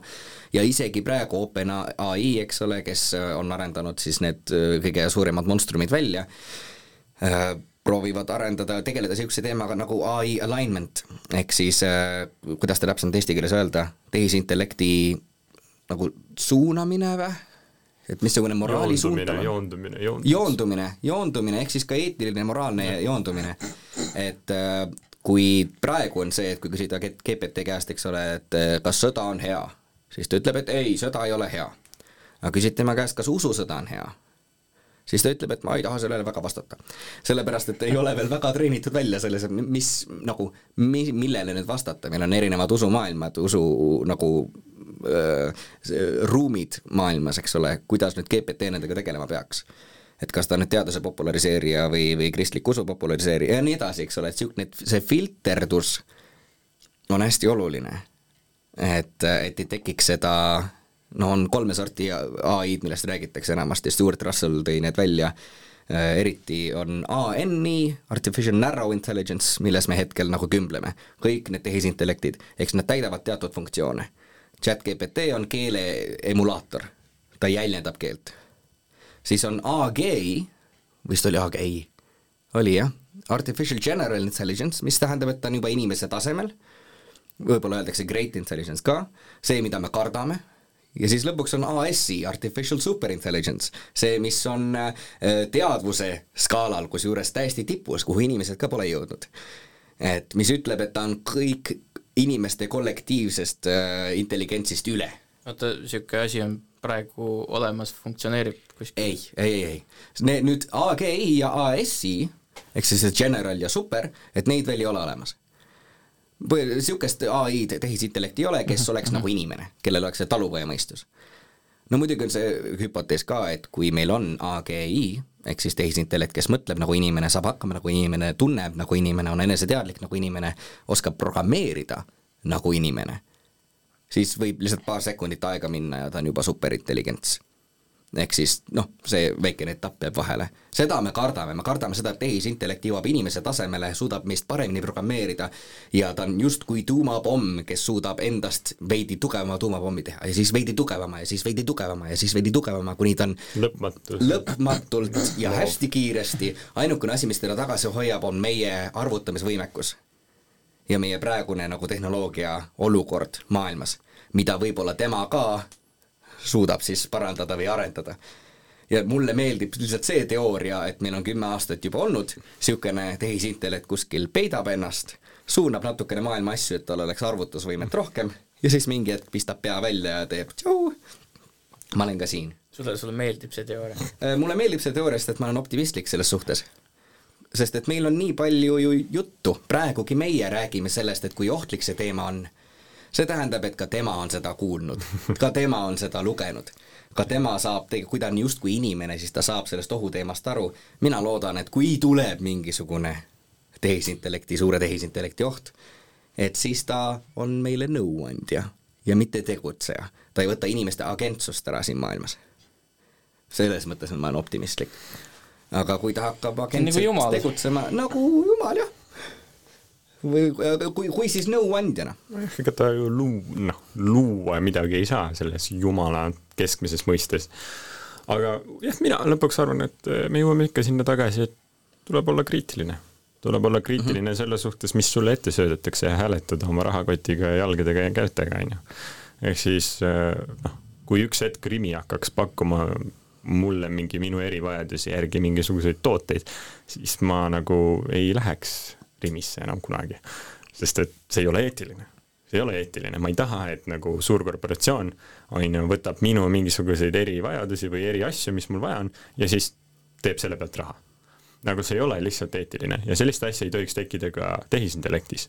sellist asja ei tohiks tekkida mitte ühegi suurkorporatsiooni poolt mm. -hmm. ja samamoodi nagu noh, Nestle on ju, kas või räägime sellest, Nestle kasutab inimesi ära, on ju, müüb neile oma vett, on ju, purkides ja pudelites boikoteerime, ei osta Nestle tooteid. sama ka tehisintellektiga, oleme alati tead-, teadvustame endale, mis toimub, oleme kursis, ei ole selle vastu sõrgedega, on ju, jalgadega mm, -hmm. vaid mhm. päriselt olemegi kursis ja kui läheb käest ära, ütleme, tegutseme, räägime mm. -hmm. kui ei lähe käest ära, naudime mm. -hmm. aga oleme alati kursis mm. -hmm ja see kriitiline mõtlemine tavaliselt ju baseerub siis sellele, et kas sellel tehisintellekti arendajal on mingisugune kapitalistlik tendents seal taga sinu informatsiooni või sinu heaolu pealt kuidagi kasumit teenida.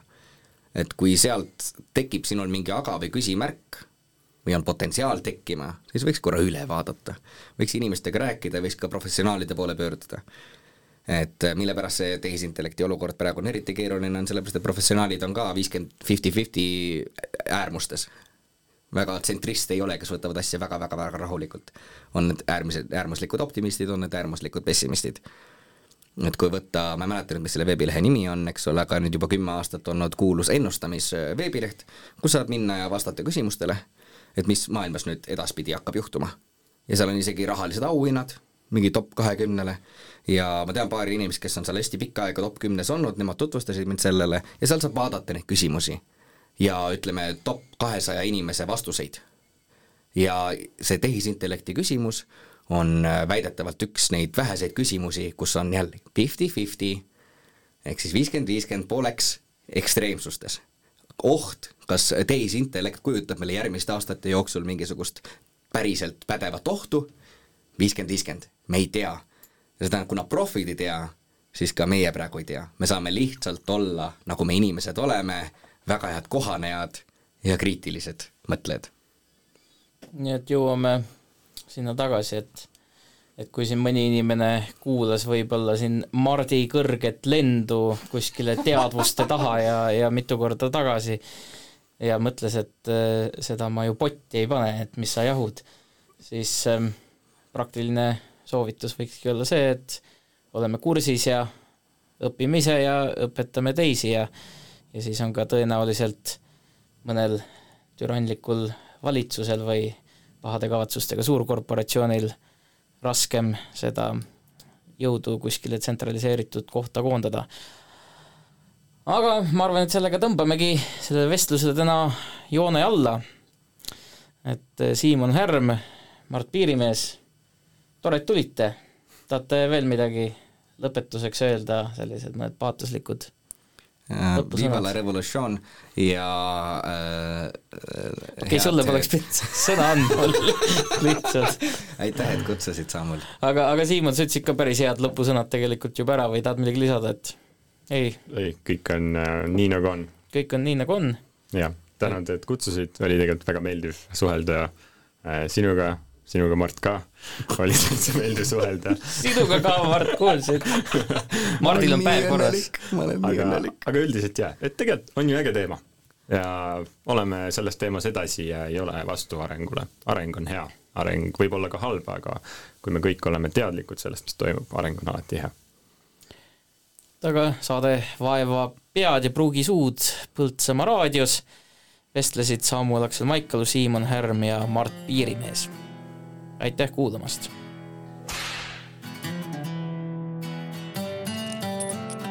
vaeva pead ja pruugi suud